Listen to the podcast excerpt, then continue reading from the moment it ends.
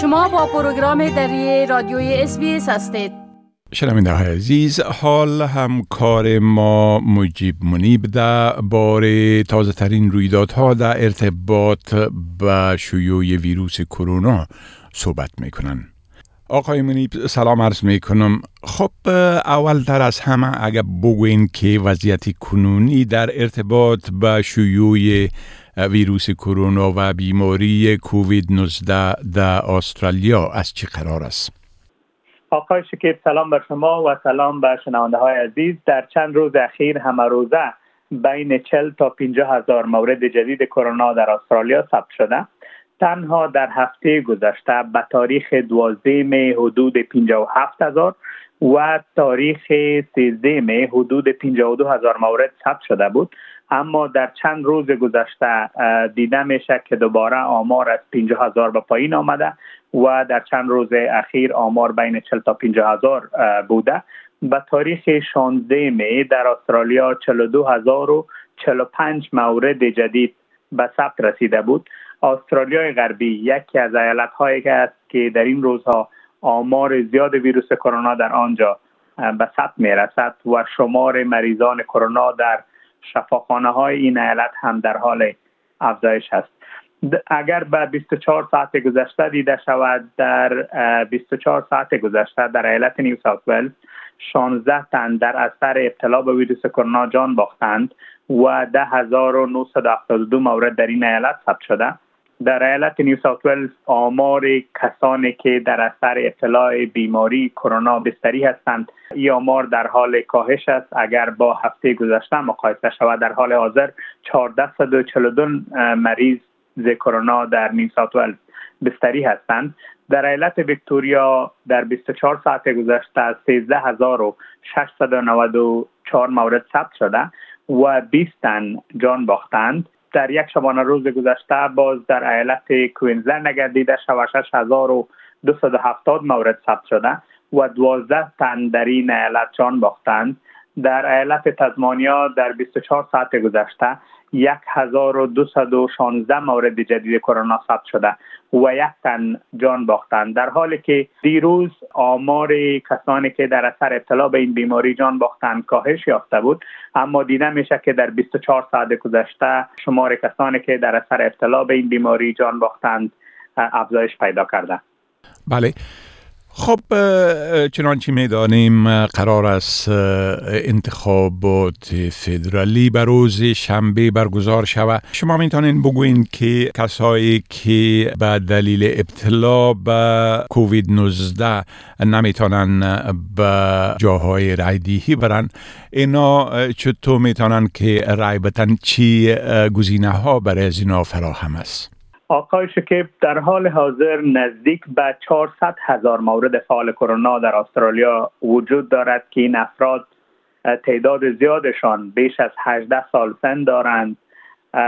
اگر یک فرد که به کرونا مبتلا شده باشه و فعلا در قرنطین باشه و یا در روز انتخابات هم در قرنطین باشه می‌تونه که از طریق تلفن رای بته کمیسیون انتخابات استرالیا می‌گوید که رای دهندگان باید در وبسایت کمیسیون انتخابات خود را ثبت کنند. یعنی طوری نیست که مستقیم یک شماره پیدا بکنن و زنگ بزنن بلکه باید اول به وبسایت کمیسیون انتخابات استرالیا که آدرسش هست aec نقطه گپ نقطه ایو به این وبسایت بروند. اوجا خود را ثبت نام بکنند و سند خود را که از پیشش می‌خواهد که آیا نتیجهش مثبت است سند خود تسلیم بکنه و بعد از او تایید بکنه که بله مریض است و بر اساس به شرایط برابر است از طریق تلفن رای خود استفاده بکنه.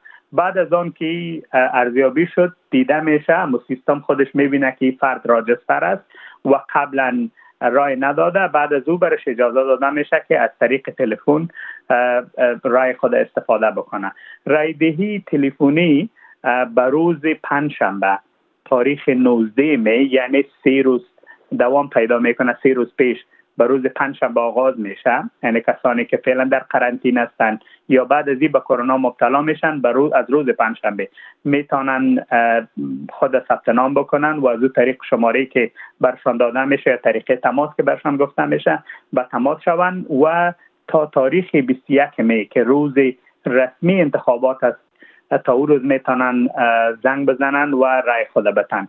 رای دهی تلفنی معمولا برای کسانی است که بینایی خود را از دست داده باشند. در سالهای گذشته هم موجود داشت که افراد می‌تونستند زنگ بزنند و از طریق تلفن رای بتن.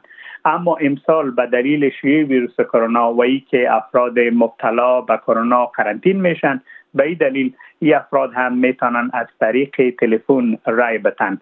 و افرادی که صحتشان خوب است در قرنطین نیستند به کرونا مبتلا نیستند مراکز رایگیری زود هنگام فعلا هم باز است. تا روز انتخابات می‌تونن برن رای خود بتن و کسانی که می‌تونن به روز شنبه بروند که روز اصلی انتخابات است می‌تونن از رای خود استفاده بکنن.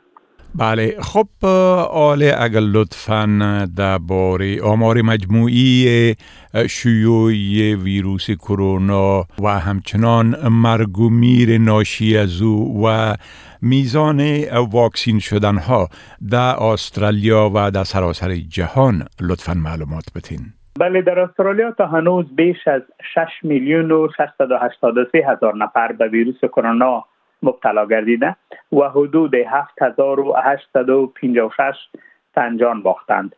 تا اکنون در این کشور بیش از 58 میلیون دوز دوز واکسن کرونا تزریق شده به مردم که حدود 95.5 فیصد مردم دو دوز واکسن و حدود 68 درصد افراد بالای 16 سال سه دوز واکسن کرونا دریافت کردند. اگر به سطح جهان دیده شود در سطح جهان تا اکنون بیش از 522 میلیون و 734 هزار مورد ویروس کرونا ثبت شده و بیش از 6 میلیون و 289 هزار نفر جان باختند. ایالات متحده آمریکا با داشتن حدود 84 میلیون و 300 هزار مبتلا و بیش از یک میلیون و 26 هزار قربانی تا هنوز در صدر فهرست جهانی قرار دارد. در حال حاضر همه روزه حدود 8.7 میلیون دوز واکسین کرونا در سراسر جهان در کشورهای مختلف تطبیق میشه. در کل 11.7 میلیارد دوز واکسین تا اکنون در جهان تطبیق شده. آمار نشان می‌دهد که حدود 65.5 درصد نفوس جهان حداقل یک دوز واکسن کرونا دریافت کردند. بله خب بسیار تشکر آقای منیب از این معلوماتتان و فعلا شما را به خدا می سپارم و روز خوش برتان آرزو می کنم. تشکر از شما هم روز خوش داشته باشین. بپسندید شریک سازید و نظر دهید. اسپیس دری را در فیسبوک تعقیب کنید.